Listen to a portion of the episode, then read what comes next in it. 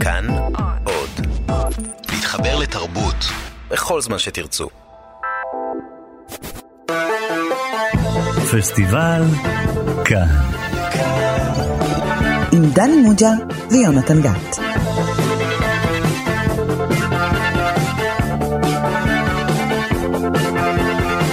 שלום לכם, אתם איתנו שוב בתוכנית הקולנוע הרדיופונית של תאגיד השידור הציבורי, פסטיבל כאן.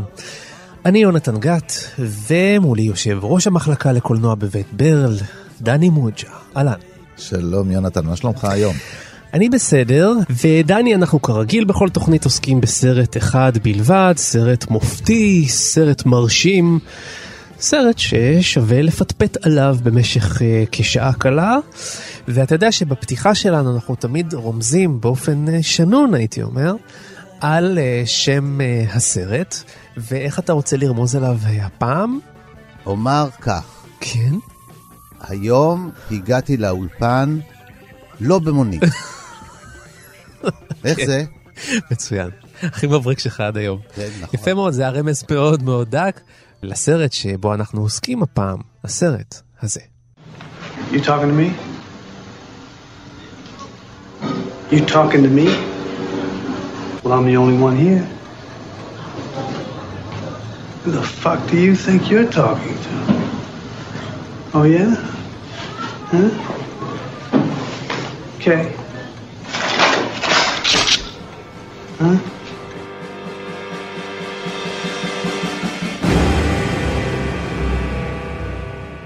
דני, אני חושב שהמעבר שעשית לסרט שממנו שמענו קטעים עכשיו, אה, נהג מונית של מרטין סקורסזה, הוא אחד המעברים היפים והמפוארים ביותר בתולדות אה, הרדיו הישראלי. אוקיי, אני מודה לך. והפעם אנחנו נצטרך להסביר למה. הקלטנו ושידרנו כ-40 תוכניות של פסטיבל כאן עד היום, וואו. וזאת הפעם הראשונה שאנחנו מדברים על סרט של מרטין סקורסזה. אתה יכול להסביר לי את המחדל? לא, לא, אין, אה, אנחנו, אתה יודע, אין קו, אין היררכיה, כי לא החלטנו, נכון. בואו נדרג את כל 100 הבמאים הכי חשובים, כן. ונתחיל מהבמאי הכי חשוב, לשני, לשלישי, אז אני מניח שאולי ב-30 הבמים הראשונים, בוודאי כשמסתכלים על העשורים האחרונים, היינו מונים שם גם את סקורסזה. לא, ראשית, אתה יודע, כן. זווית הראייה היא קובעת. נכון, אתה צודק, סתם ניסיתי להתגרות בך. יש לנו סרטים ישראלים למשל, לא בגלל שהבמאים שלהם הם אחד מ-30 הבמאים החשובים בהיסטוריה. לא, בגלל שלנו הם חשובים. אתה צודק, בסדר, לא צריך עד כדי כך להתנצל. לא, אני עומד על כך, אני, אני אסביר לך מדוע. אז תסביר לי, דני, איך זה יכול להיות שהסרט הזה שנעשה ב-1976 מצליח לשמור על עצמו כל כך מיתולוגי אה, גם היום? מה, מה הופך אותו לכזה חזק? בגלל שהוא לא אומר משהו, אלא הוא משהו עצמו. הוא לא אומר על לי. התקופה, הוא תוצאה של התקופה. אוקיי. הסרט הזה, רואים בו, אה, באמת, הוא, ה- איך לומר, הוא לא המרפא, הוא לא מציע מרפא למורסה, הוא המורסה הוא- עצמה. כן, הוא הבעיה. הסרט הזה מבולבל מבחינה אידיאולוגית, אפשר להסביר מדוע, בגלל שני היוצרים שעומדים מאחוריו, שמשכו לשני כיוונים באופן, שזה כל כך משקף את הבלבול ואת ה... אה, באמת כאוס האידיאולוגי שנמצאת בו ארצות הברית בעידן הזה של פוסט מלחמת וייטנאם, שבגלל זה זה מין, זה כמו דוקומנט של התקופה. רגע, אמרת בלבול, בעצם אמרת אתגר, כי אתה יודע שאני מטיל עליך תמיד בכל תוכנית לספר תקציר של הסרט. והיות ואנחנו מדברים פה על בלבול, אני מאוד אשמח אם תנסה לפתור את הבלבול הזה בתקציר שהוא קוהרנטי, מסופר היטב, עם התחלה, אמצע וסוף, ומחיאות כפיים בסיום.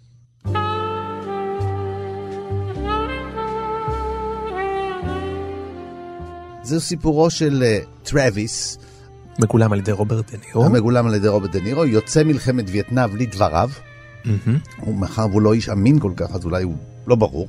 בכל אופן, הוא נהג מונית, אה, הוא מתקשה לישון בלילות, הוא בודד, אין לו חברים, הוא סובל מאימסומניה, אז הוא מחליט להיות נהג מונית ולעשות אה, נסיעות לילה גם. והוא, על פני תקופה מסוימת, זה כמה שבועות אה, בחיים של טרוויס, במהלך הנסיעות שלו הוא מביע את שאט הנפש שלו מהמצב של העיר הזאת. אה, אנחנו רואים, רוב הסרט ממש צמוד אליו, דרך העיניים שלו אנחנו רואים באמת את העיר בשיא העליבות שלה. ניו יורק של שנות אמצע ה-70, כן, מלוכלכת כן, כזאת. כן, ו... זירת פורנו, זונות. זירת זונות, סמים. זה לפני שהגיע ג'וליאני ועשה שם... זה אפילו לפני אד קורץ', במובן הזה של ממש הפרויקטים הגדולים והזנטריפיקציה, כן, זה 42nd סטריט. כשהיום 42nd זה מקום לתיירים, נכון, ואז נכון. זה המקום שבערב אתה לא מסתובב בו. והוא בעצם מפתח איזה חולשה רגשית, או התאהבות, או בעצם שתי נשים. אחת שהיא מגלמת אותה סיביל שפט, שהיא קמפיינרית, עובדת בקמפיין של מתמודד פוליטי בארצות הברית, אדון פלנטיין. וגם הוא מפתח איזה מין יחסי אה, אבהות או רצון להגן או להציל אה, כלפי אה, זונה אייריס, זונה צעירה, ממש ילדה, בת 12, mm-hmm. נערה ממש ממש צעירה. מגולמת על ידי ג'ודי פוסטר. וזה מוביל אותו, הוא נדחה על ידי אישה אחת, משום שאין לו מושג בכלל לחזר אחרי אישה כזאת, והוא עושה הכל כדי שהיא לא תתקרב אליו, אולי במתכוון, אולי תת מודע שלו עושה את זה, הוא עושה באמת מזמין אותה למקומות הלא נכונים, וזה גורר אותו אולי ליצור איזה, כדי להתבלט, או כדי, לא ברור מה המוטיבציה שלו, לבצע ניסיון לרצח פוליטי. Mm-hmm. שהיה אז מאוד פופולרי בארצות הברית, זה השנים שרציחות פוליטיות פרחו. זה לא עולה יפה ב, בידיו, ואז הוא ממיר את זה ויוצא לחלץ את אה, אייריס מזרועות ה... המאפיה הקטנה הזאת, כן, מזרועות אה, רואי הזונות שלה. ולחסל את כל הסביבה הזאת, ואולי גם להתאבד, וכך לחלץ אותה, הוא לא מצליח להתאבד, ובסופו של דבר הוא הופך למין גיבור תרבות של רגע. כן.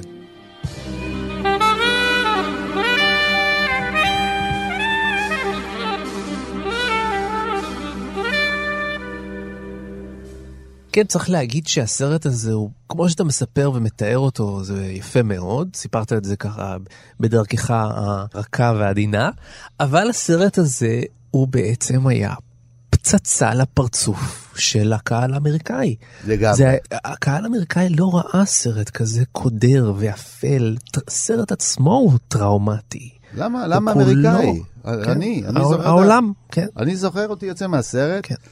אני לא ראיתי דבר כזה. אני לא ראיתי בחיים שלי דבר כזה קודם. לא הייתי מוכן רק לזה. רק נגיד למאזיננו, מי שלא ראה וחבל, שהוא סרט מאוד מטריד בכל שנייה שלו. מהמוזיקת הג'אז המלנכולית, שלא ברור לאיפה היא לוקחת אותנו בכלל, הנסיעות הלוך ושוב שלה, של דה נירו, שאנחנו לא מבינים מה הוא רוצה ולאיפה החיים האלה הולכים, החיים הולכים לשום מקום. ומה הוא מתכנן בדיוק? מה זה הרצח שהוא מתכנן? הרי מה הוא באמת חושב ולמה? אה, כן? מה הוא רוצה מג'ודי פוסטר? מה הוא מתכנן לה? הסרט הזה הוא, הוא, הוא עם כל כך הרבה סימני שאלה, כשאנחנו היינו בטוחים שהוליווד היא, היא רק נותנת לנו תשובות בסרטים. הסרט הזה משאיר אותנו באמת מוטרדים. ודאי. כל גזען בסרט הזה יוצא כן. ממנו נקי. נכנס לסצנה גזען, יוצא גזען, ממשיך לתפקד בסרט, כולל הגיבור. הגיבור הוא גזען נוראי, נוראי. Mm-hmm. הוא רק כל, הוא, הוא, הוא, כל האנשים שסביבו, הוא חושב שהם חלאות אדם. כן. ואנשים שהוא לוקח את אדם. Mm-hmm.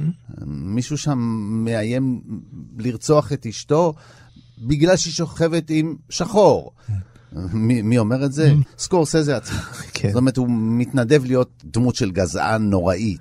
זה תמונה, אבל זה, תשמע, מס... אתה יושב בתוך האוטו ורואה את העיר, בקושי רואה אותה. ומים נשפכים ככה. על, על האוטו, והנוזלים האלה, שהוא נושא במין נוזלים, והוא מתאר את הנוזלים האלה, וזה, שזה דם, ושופחה, ויריקות, וכל הזוהמה של העיר, שכולל את האנשים שמייצרים אותה, ככה הוא אותה, ואתה נוסע בתוך הזוהמה הזאת. וזה מקבל איזה מין חזיון פסיכדלי כזה דרך המגבים והאורות וצורת הצילום. שמע, זה חיזיון. שבאמת לא ראינו קודם, ולוקח לו זמן להתפענח, זה לא מיד מוסבר מי נגד מי, מה קורה. אנחנו לאט לאט מתאפנטים לתוך הסרט. תמיד זה סרט שמכניס אותך פנימה לאט לאט, ואתה בעצם אומר, אני בתוך מנהרה כזאת והולך איתו. עם הקסם של דה נירו, האיש הזה, אם אתה מספר וואו. באמת מה הוא עשה, זה איש שאתה לא רוצה להיות בחברתו דקה. כן. אם אתה אומר, רגע, פגשתי מישהו שעושה ככה ועושה ככה ומדבר ככה, ופתאום איזה גנב קטן באיזה חנות והוא מכניס בו כמה כדורים ונותן לשני לכסח אותו עם מקל בייסבול, אני זוכר איך, או עם גולף, אני כבר לא זוכר איך, זה, זה באמת, בגלל שהוא שחור, קורים שם דברים כן. איומים ונוראים, ואנחנו מוקסמים מזה, כי זה העולם.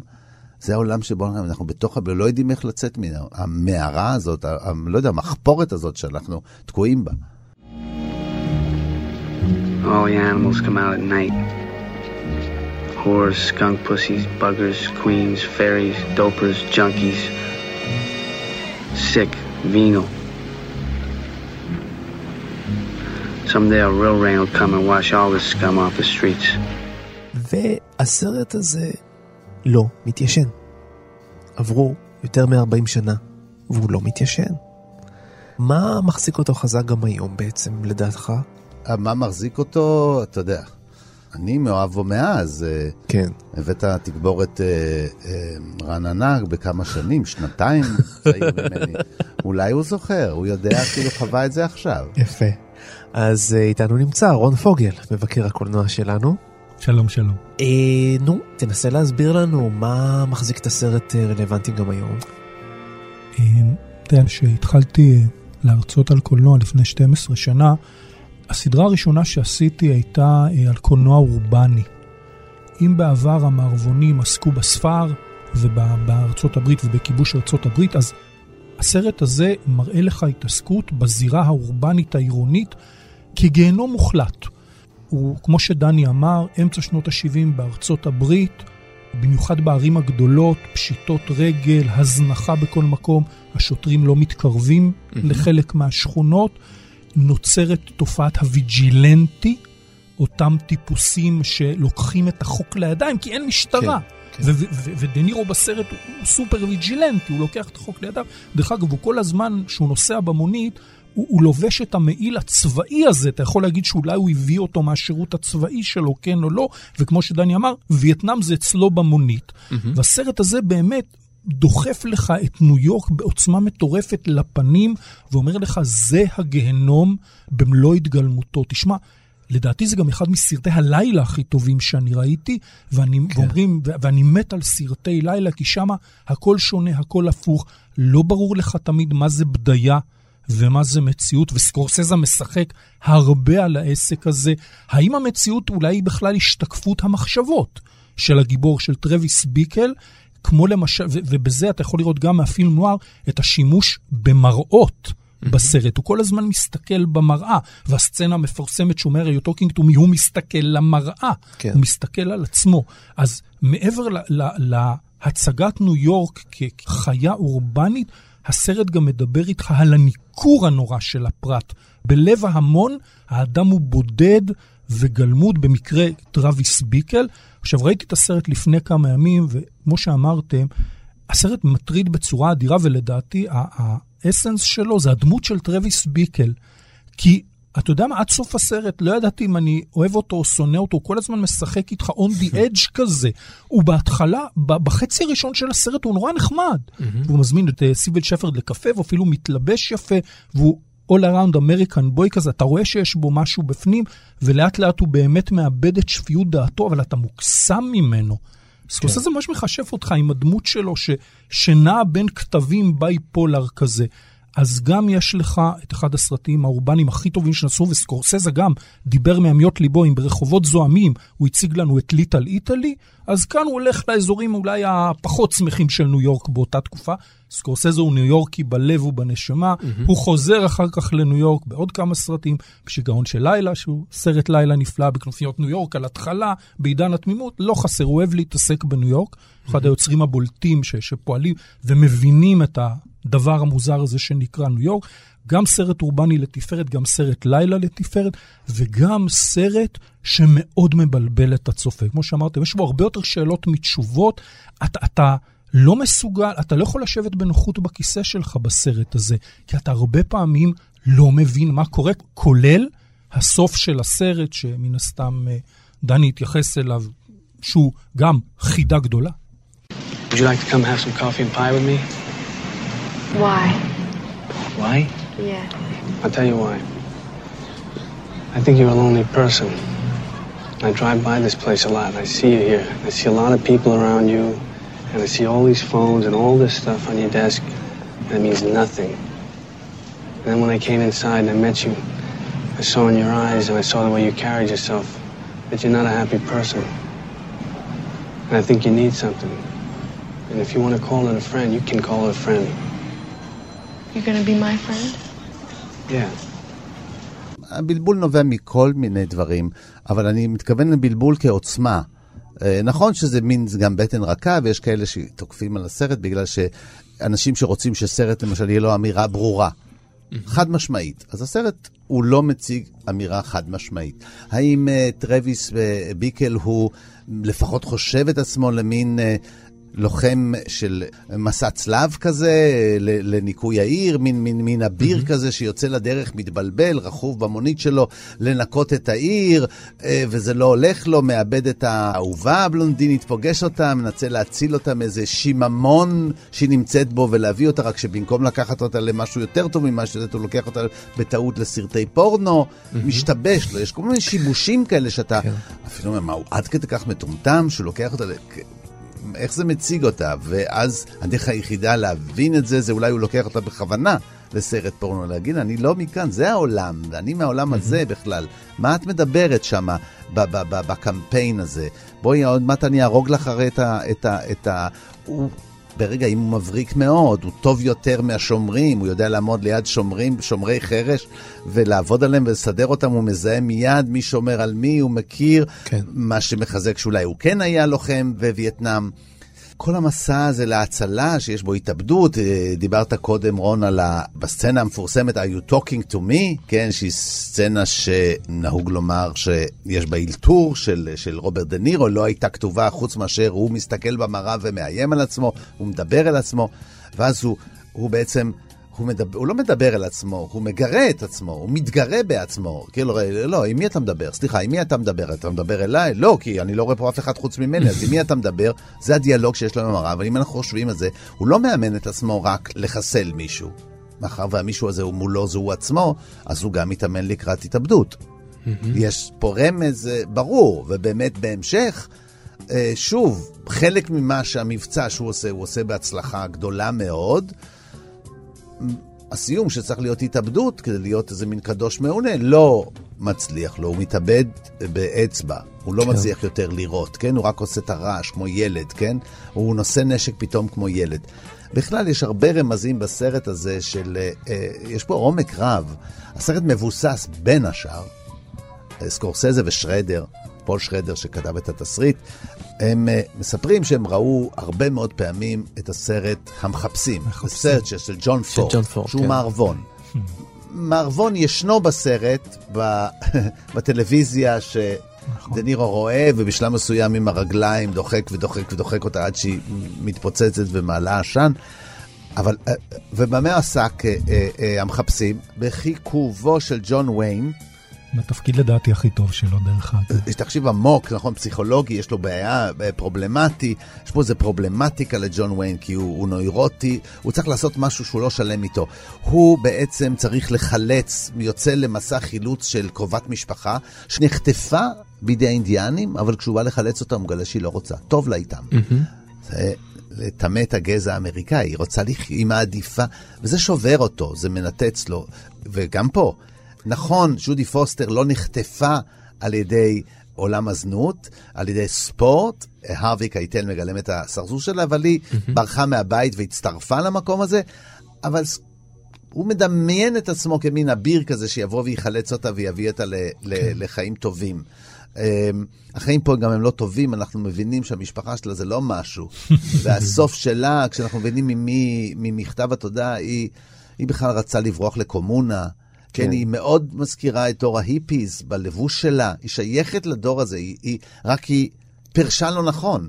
היא מישהי שרצתה לברוח מהבית ולהצטרף לקומונה, והיא מצאה את עצמה בזרועות אה, אה, סרסור, שגם הוא יש לו אלמנטים היפים, כן? והיא מממשת את עצמה כזונה בת 12-13, ב- ב- אה, באמת, זה מופרך לגמרי. זאת אומרת, הכל מתפספס בסרט הזה. והעומקים האלה שיש בסרט, הם... הם מבצבצים כל הזמן. הם כל הזמן מבצבצים, ואנשים חשים אותם. הם לא מתפרשים. לכן אני חושב שהחידה הזאת ממשיכה להטריד אותנו, וכן, זה לא רלוונטי עד היום, זה לא העניין. כי זה מאוד סרט לתקופה מסוימת, לניו נכון. יורק מסוימת, זה לא זה, זה מבט אותנטי. זה כאילו, זה כמו מכונת זמן, אתה נכנס למקום הזה ואתה אומר, וואו.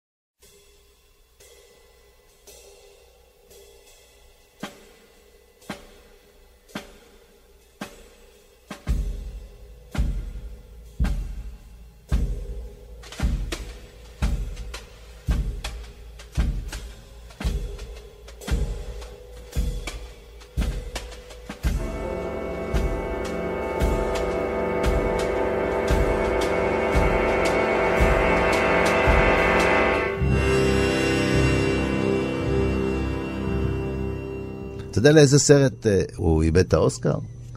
לרוקי. נכון, מוזר בעיניי, דרך אגב. זה קורה. לא, זה... זה קורה באוסקר. יש לזה הסברים, כי אה, אנחנו מדברים על תקופה שארצות הברית רצתה איזושהי תקווה. רוקי נתן תקווה Mm. ונהג מונית.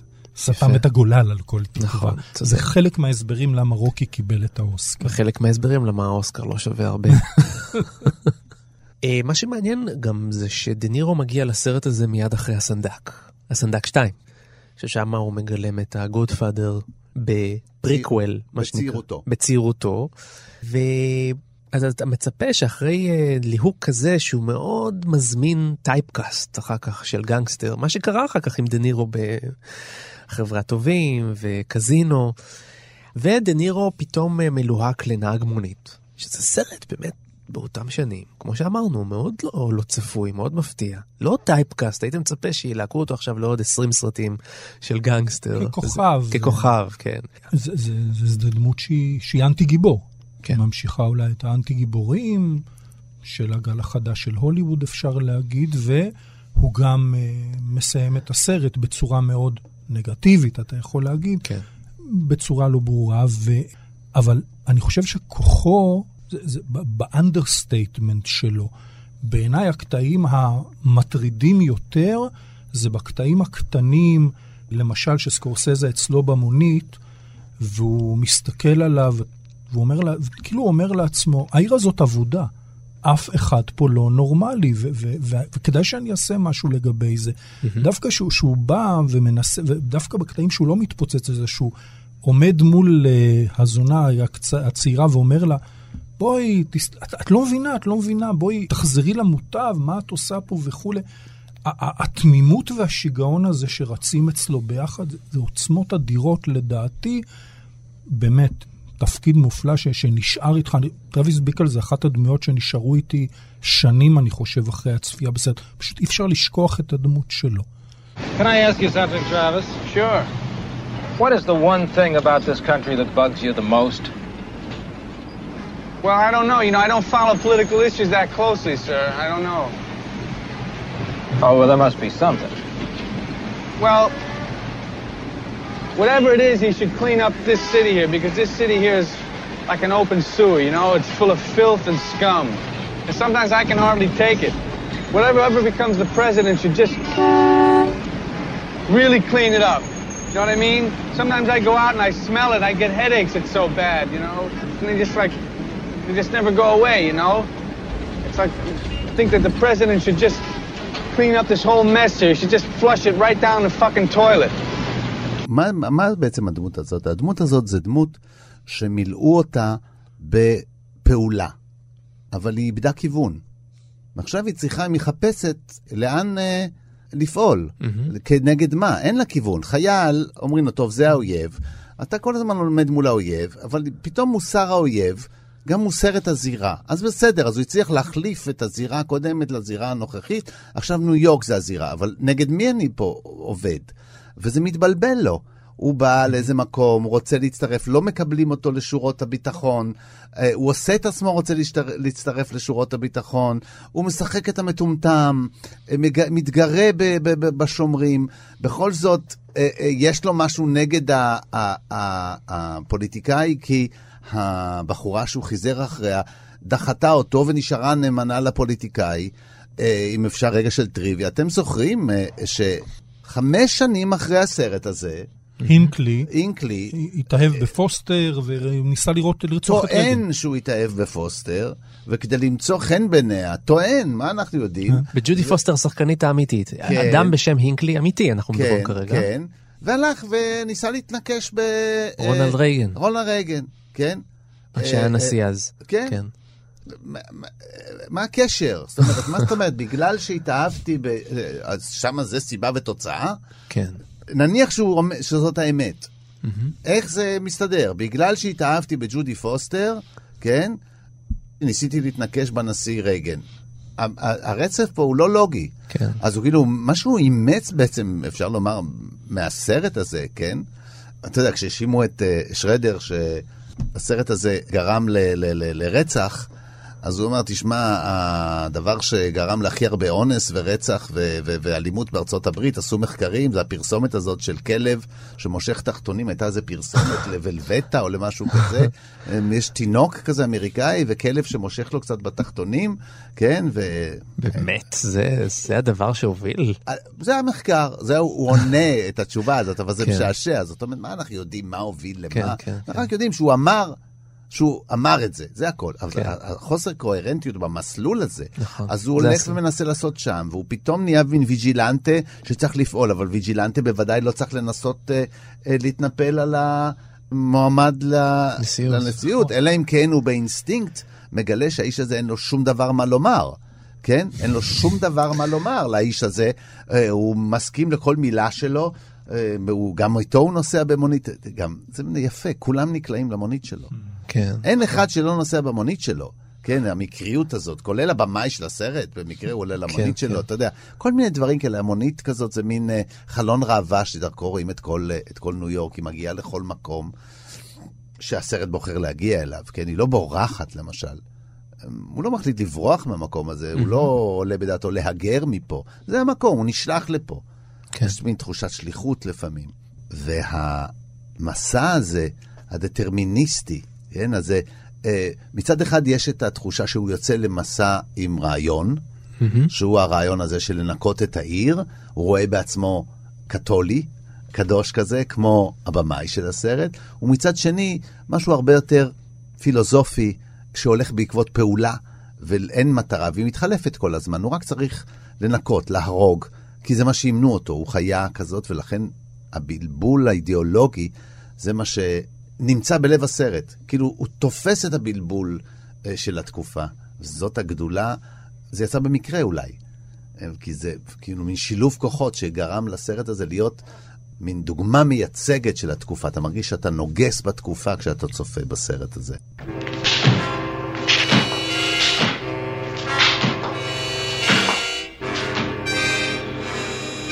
June 29th.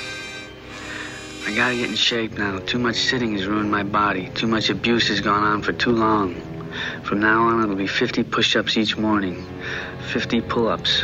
There will be no more pills. There will be no more bad food. No more destroyers of my body. From now on, it'll be total organization. Every muscle must be tight. ואיתנו נמצא דוקטור עודד מבורך, פסיכולוג קליני, שגם uh, כתב ספרים שעוסקים בחרדות וטראומות. אהלן עודד. היי, שלום שלום. אנחנו uh, רואים בסרט הזה נהג מונית שסובל מפוסט טראומה. אנחנו uh, מנסים להבין, קודם כל ננסה להבין מה זה פוסט טראומה. פוסט טראומה זה תיאור של מצב נפשי קשה ומלווה בהרבה מאוד סבל, שמבחינה רפואית ההגדרה שלו זה שמישהו עובר איזשהו מצב של סכנה או איום משמעותי לחייו או לנפשו, והטלטלה שהוא עובר גורמת למספר סימפטומים שמופיעים למעלה מחודש. הם אוקיי. נוכחים כאילו מלווים אותו לאור זמן. כמו מה? איזה סימפטומים למשל? אה, יש, אפשר לראות שלוש קבוצות. אחד אה, סימפטומים זה שהוא חווה מחדש חלקים מהחוויה שהוא עבר, הטראומטית. הוא יכול להיזכר למשל ביריות קרב, ברעשים של התפוצצות, אה, הוא, יש לו פלשבקים של מראות קשים, של גופות, חלקי גופות, אם מדובר בטראומה שקשורה אה, לאירוע קרב. כן, למשל במקרה הזה הוא טוען שהוא אה, יוצא מלחמת וייטנאם. אז הוא יכול לראות שם הפלשבקים של מראות חברים פצועים, אברי גוף, קולות, אז יש uh, חוויה מחדש של האירוע הטראומטי. Mm-hmm. Uh, חלק אחר זה סימפטומים של הימנעות, שהוא כאילו, המערכת הרגשית שלו מצטמצמת, הוא mm-hmm. פחות מגלה אהבה, חמלה לאחרים, עניין באחרים, פחות מנסה uh, להפעיל את המחשבה, פחות להיות מעורב בכל מיני מצבים בין אישיים, פחות כן. חשק בחיים. ויש, לו, ויש עוד קבוצת סימפטומים של אה, עוררות יתר, למשל אה, קושי להירדם, אה, עצבנות, התפרצויות זעם, mm-hmm. דברים שקשורים לעוררות יתר. עכשיו בסרט הזה אנחנו רואים שהדמות, טרוויס, כן. היא, כמו שאתה מתאר, באמת גם כן לא יודעת איך להביע רגשות, וגם יש משהו מאוד אטום, כלומר הוא לא בא במגע עם העולם החיצוני, כאילו, כאילו חי בבועה, זה גם מאפיין אנשים שהם אה, פוסט-טראומטיים, חיים באיזו... חיים בראש שלהם. כן, כן. תראה, תסתכל על זה, אני אגיד לך, אני רואה את, ה, את האדם בכלל, כאילו הוא מורכב מקבוצת אנשים. ואנשים עם אה, עמדות מסוימות, אני קורא להם קולות. אז תראה את האדם שמועד קצת ל- להיות פוסט-טראומטי. יש לו בדרך כלל קולות נוקשים. למשל, קול שמאמין בצדק שלו, או מאמין באחוות לוחמים, או מאמין במפקד, או מאמין שהוא תמיד יחיה, או שיש איזה כוח ששומר עליו.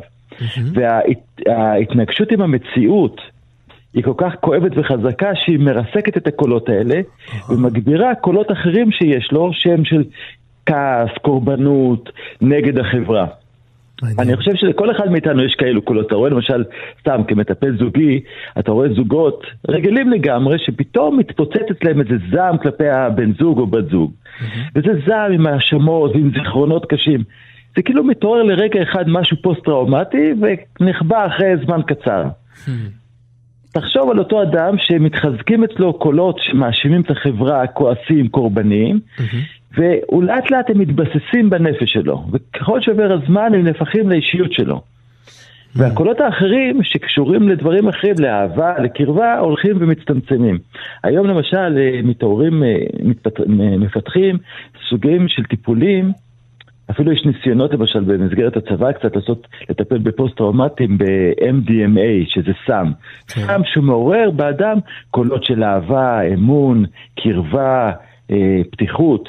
ואז אתה מגלה שכזה חומר מחזק את הקולות האלה ומחליש את הקולות האחרים. ואז אתה משנה את המאזן הפנימי, ככה אני גם רואה את זה כמטפל. איך אני משנה את המאזן הפנימי אצל הפוסט-טראומטי ומחזיר לו את העוצמה של הקולות שהלכו לאיבוד בעקב האירוע. יש אה, קשר, אה, כי יש מלחמות שמדברים יותר על הפוסט-טראומה מאשר מלחמות אחרות, כמו מלחמת וייטנאם היא מלחמה שלפחות בביטויים האומנותיים, הרבה מאוד עוסקים בפוסט-טראומה. אמ, נכון. אין פוסט-טראומטי ממלחמת ששת הימים, יש פוסט-טראומטי ממלחמת יום כיפור. נכון, כאילו זה נכון. כרוך באיזה משהו קולקטיבי גם. שקשור לכישלון, אולי. יש פה כמה היבטים. קודם כל, משך הזמן הוא היבט מאוד משמעותי. ככל שהזמן נמשך יותר, המלחמה היא כרונית יותר, יש לנו יותר פוסט-טראומה, ואנשים שגם היו אולי עוברים קטע במלחמה וחוזרים לחיי היום-יום, ככל שזה נמשך הם יותר שוקים בטראומה. אתה מסתכל על שימוש למשל בסמים במסגרת, נאמר, וייטנאם ידועה בשימוש בסמים, הדברים האלו מגבירים עוד יותר את המעברים בין רגע של אופוריה לרגע של דרמה קיצונית. ויש גם את החברה, את התפיסות הכלליות, הקולקטיביות של אה, תבוסה, כישלון, אה, ש, אה, נאמר שבר בכוחו של צה"ל למשל, נסתכל. הדברים האלה הם חלק מהטראומה. ערכים נוקשים של האדם נשברים עקב האירוע. מי שמאמין אמונה עיוורת בכוחו של צה"ל, למשל, מועד יותר לחוות טראומה, לעבור פוסט-טראומה, מאשר אדם שיש לו איזו גמישות בתפיסה בכלל, של הצבא, של הצדק. ככל שאדם גמיש יותר, הוא פחות מועד נגיד. דוקטור מבורך, אנחנו רואים בסרט שטרוויס בעצם מתפוצץ בסוף הסרט מרוב אלימות, וגם אנחנו רואים לזה רמזים מטרימים גם לאורך הסרט עצמו. הפוסט-טראומטיים יש להם איזשהו אה, שעון חול שקוצב את זמנם עד להתפרצות אלימה? אין ספק שאם אתה מסתובב במסדרונות בית חולים שמטפל בכל מיני בעיות נפשיות, במסדרון שבו מתקבצים אנשים פוסט-טראומטיים, אתה תראה, כמו שאמרתי לך מקודם, יותר כעסים, עצבנות, קוצר רוח, קושי לסבול, אה, דחיית סיפוקים. זה חלק מהביטויים של הפוסט-טראומה, זה העוררות יתר, העצבנות, הרגזנות. האם זה מביא לאנשים, מביא אנשים להתפרצות קיצונית ואלימה? אני לא חושב שהדבר הזה מאפיין. אני לא יודע להגיד לך סטטיסטית, אני לא רואה איזה ממצאים, אבל זה לא משהו שמוכר, אנשים מגיעים לקיצ... לקיצוניות כזאת. כן. אבל uh, יש פה איזו מועדות מראש לכעס, עצבים, רוגז על החברה, על, ה... על הזולת שלא מבין, על האטימות החברתית. אני חושב שהרבה אנשים שסובלים מפוסט-טראומה, לו היו מטופלים בצורות מקיפות יותר, הם לא היו כל כך פוסט-טראומטיים. או, אז זה בדיוק מה שרציתי שלהם... לשאול אותך. כן. רציתי לשאול אותך, אם היה לך מטופל כזה כמו טרוויס, איך היית מטפל בו?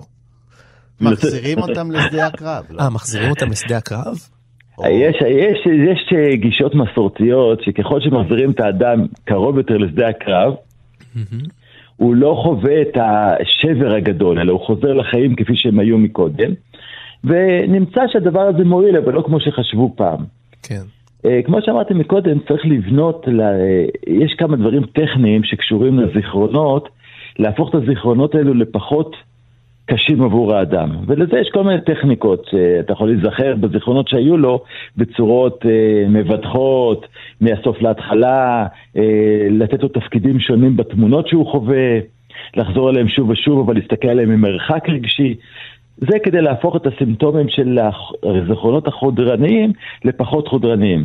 אבל זה רק חלק טכני, אני חושב שצריך לטפל בהרבה סבלנות, אהבה, ולהחזיר את האמון של הפוסט-טראומטי באחרים באיזו התנהלות ממושכת, לא רק אה, מקומית וטכנית.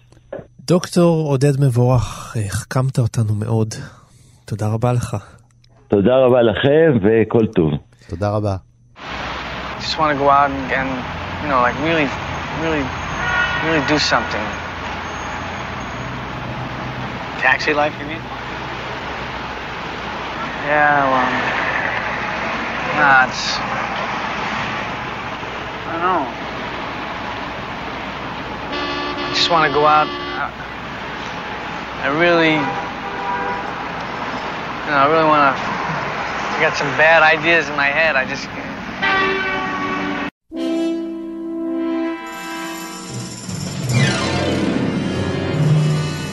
Tysmä, סקורסזה מעז לעשות כל מיני דברים, הוא כבר ניסה את זה, לעשות את זה קודם בסרטיו הקודמים, הוא מנסה כל מיני דברים שחבריו אה, האירופאים כבר עושים עשר שנים. Mm-hmm.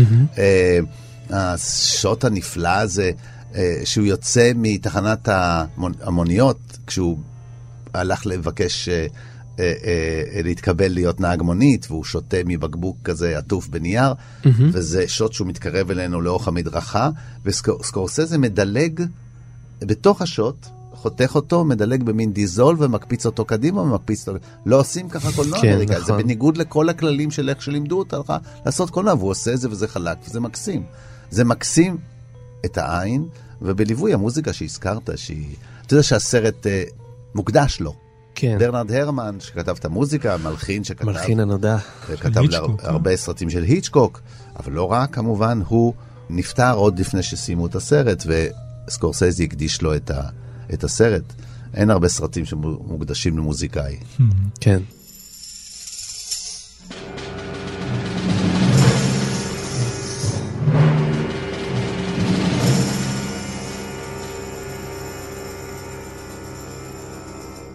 you want me to go back to my parents? I mean, they hate me. Why do you think I split in the first place? There ain't nothing there. Yeah, but you can't live like this. It's a hell. Girls should live at home. Didn't you ever hear of women's lib? What do you mean, women's lib? You sure a young girl. You should be at home now. You should be dressed up. You should be going out with boys. You should be going to school. You know, that kind of stuff. God, are you square? וזה כמובן תפקידה הקולנועי הגדול הראשון של אה, ג'ודי פוסטר, שאומנם עשתה איזה שניים שלושה סרטים לפני כן בתפקידים קטנים, אבל זה התפקיד הגדול שלה, והיא באמת אה, הייתה מאוד צעירה כשעשתה את התפקיד הזה, בסך הכל בת 13, 14, משהו כזה. היה לה מין רצף כזה של סרטים קשים, כן. שתיקת הכבשים, נהג מונית. הנאשמים, הנאשמים, accused, כן, כן, כן. ותשמע, היא עושה תפקיד uh, עוצמתי. היא, התמימות של איך שהיא מקבלת את המצב שלה, זה מחריד את הצופה. שהוא אומר לה, בואי, אני אציל אותך. היא אומרת לו, שמע, המצב לא כזה רע בינינו. יושבת איתו שם, אוכלת איתו משהו, שותה בתמימות ילדותית מזעזעת. הבחורה הזאת בלב האינפרנו, בלב הגיהנום, הבחורה היפה הזאת, היא נראית הרבה יותר מבוגרת מגילה. נכון.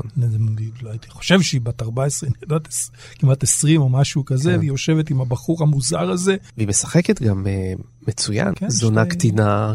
זה מפתיע רמת המשחק שלה לא, אני בגיל חושב כזה ש- צעיר. אני חושב שמה שמעניין זה שבעצם היא מגלמת ילדה שמשחקת מבוגרת. זאת ההצלחה שלה. יפה. אתה רואה את הדיסוננס שבין איך שהיא את מסתכלת, ופתאום כשהיא אוכלת את ה... מה, סנדוויץ' עם ריבה כן, היא- והופכת אותו וכזה פתאום היא תינוקת נכון. והצורך שלה במתוק הוא צורך של הילדה. זאת אומרת, מבחינה הזאת היכולת של אה, אה, בחורה צעירה כל כך לגלם את, אה, את השני צדדים האלה של מישהי שהיא בת גילה בערך, זה, זה באמת פנומנלי. זה באמת פנומנלי. ג'ודי פוסטר, אנחנו יודעים שהיא בהמשך גם עיצבה לעצמה, עיצבה לעצמה קריירה של מקומות, כמו שאמרתם, קשים, קשים לפענוח בתור דמות. באמת שמכילים שני צדדים כאלה. מישהו אמר, טרוויס רצה להיות החניבל לקטר שלה. להיות כזה בכזאת השפעה, והוא לא מצליח, כן? אין לו השפעה נכון. עליה אמיתית. נכון. זה, יפה. זה, כן, זה איזושהי ביקורת כמובן שנכתבה לימים. בואו נזכור את סדר הסרטים, כן? זה, כן, כן, כן. אה, עוד שנים יעברו עד שהיא תוכל לגלם את התפקיד ההוא. אז זה, אבל אני חושב שהוא הוא, הוא חרט אצלה משהו בקריירה שלה כשחקנית. איזה עצמאות כזו. ג'ודי פוסטר היא לא, אמ, אני חושב עליה, אתה לא מיד שם אותה עם עוד שחקניות אמריקאיות אה, כוכבות בנות גילה. כאילו אה, זה יוצא ממנה הדברים שהיא עושה. וזה זה, זה קשור, זה מתחיל בסרט הזה. יש פה איזה מסלול שהיא עיצבה לעצמה. הוא התעצב, היא הייתה ילדה, אני לא חושב שהכל מתוכנן, אבל... דוגמה למורכבות של הסרט הזה, אתה יכול לראות את הניגוד בינה לבין סיביל שפרד, המלאך בלבן, ה- האישה הקדושה אולי, כמו קתי מוריארטי בשור הזועם, אולי כמו מרגו רובי בוול סטריט, ה trophy wife הזאת, אז ג'ו- בעולם, בגיהנום הזה של טראביס, יש גם את זאת, אבל יש גם את זאת. Mm-hmm. את הבחורה שהיא, שהיא בגיל 14 זונה ו- וכופרת בכל מה שקדוש לאל, והוא נע בין שני הכתבים האלה בעצם. כן. כן. הוא נמשך גם לזאת, והוא מנסה להציל, או נמשך גם לזאת, שזה עוד מורכבות בסרט הזה, וזה נורא מעניין. כי דמות האישה בלבן חוזרת בסרטים של סקורסזה, כמו שהזכרתי, וגם זה קשור, אה, כל הסיפור הזה הקתולי, האישה הקדושה, האישה הזונה, כל הדברים. בסופו של דבר האישה תמיד תהיה חוטאת, כי זה חוזר לחטא הקדמון ולגן עדן וכולי, דברים שקתולים חיים איתם כל הזמן, וגם סקורסזה מתעסק עם זה בחלק מהסרטים שלו. אז אולי כאן הוא מחלק את הדמות הזאת לשניים, סיביל שפרד וג'ודי פוסטר, או שהוא פשוט, שוב, המורכבות האדירה של הסרט, ששתיהן נמצאות שם.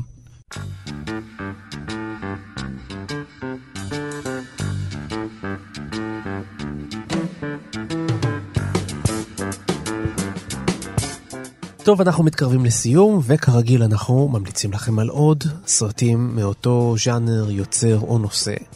אני רוצה הפעם להציע לכם לראות את סרטו של ג'ים ג'רמוש, מונית לילה. הקישור הוא רופף במחשבה ראשונה. במחשבה שנייה, הקישור מאוד חזק. שניהם סרטים אפלים, שניהם סרטים שעוסקים בבדידותו של נהג המונית, אבל בסרט הזה של ג'ים ג'רמוש אנחנו רואים ארבעה פרקים. ארבעה נהגי מוניות שונים, וכל אחד בבדידותו, וכל אחד עם הקליינט שלו, וביניהם הנהג המונית, רוברטו בניני.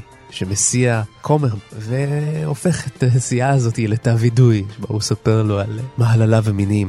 זה החלק, החלק המצחיק, אבל הסרט עצמו הוא אה, סרט אה, מאוד אה, חזק ומרתק, וג'ים ג'רמוש מצליח לעשות משהו שקצת מזכיר לי את סקורסזה טיפה באווירה הקודרת, המלנכולית והפילם נוארית קצת. אוקיי, ועכשיו להמלצתו של ידידנו רון פוגל. Uh, מכל הבודי וורק של סקורסזה אני רוצה להמליץ על סרטו הלא מספיק מוערך לדעתי, After Hours, שיגעון של לילה, שהוא גם סרט לילה נפלא, שבו גריפי דן מבלה בסוהו הניו יורקי את הלילה, מנסה לצאת ממה שכובל אותו ולא מצליח. הוא כל הלילה לחוד בתוך הדאונטאון של ניו יורק, על כל מה שמשתמע כתוצאה מזה. על פניו זאת קומדיה משעשעת, אבל יש בזה הרבה יותר. זה גם מסע אל תוך האפלה באיזשהו מקום, ואני ממליץ לראות אותו שוב, הוא עדיין מחזיק, מ-85. דני? אני לא יודע אם להמליץ על סרט עם מונית, או על סרט של סקורסזה, או על סרט של דה נירו, או הסרט של הרווי קייטל. אז אני אקח שלושה מתוך ארבעה. בבקשה. רחובות זוהמים. אה. מי שרוצה לדעת אה, מאין אה, נחצבה גאוניותו והמקום שהוא רצה להגיע אליו, שיראה את הסרט הזה, סקורסזה מראים סרט על החבורה שלו. זה נחמד לראות שהרווי קייטל הוא הבולט יותר מדנירו. הם היו חברים, הם נשארו חברים, והם עושים סרט שכולו מושפע מסגנונות אפשריים אירופאיים, על מקום שהוא מכיר טוב יותר מכל אחד אחר, על העיר שלו. השילוב הזה שלמדתי איך לעשות סרט על המקום שאני מכיר, כי חייתי בו, אחד הסרטים המיוחדים מאוד, שמסמן את אה, קריירה ארוכה ושמהדהדת אפילו עד היום. סיימנו, אנחנו מזמינים אתכם להיכנס לעמוד הפודקאסטים שלנו כדי להקשיב לכל תוכניות פסטיבל כאן, תוכלו למצוא את זה באתר תאגיד השידור הציבורי. אנחנו מודים לטכנאי שלנו, נדב זילברשטיין, לאייל שינדלר שהביא אותנו לשידור, ולמבקר הקולנוע שלנו רון פוגל, תודה רבה. תודה, תודה. ועד לסרט הנוסף שנעסוק בו בתוכנית הבאה, להתראות לכם. להתראות. אתה צריך חשבונית? להתראות.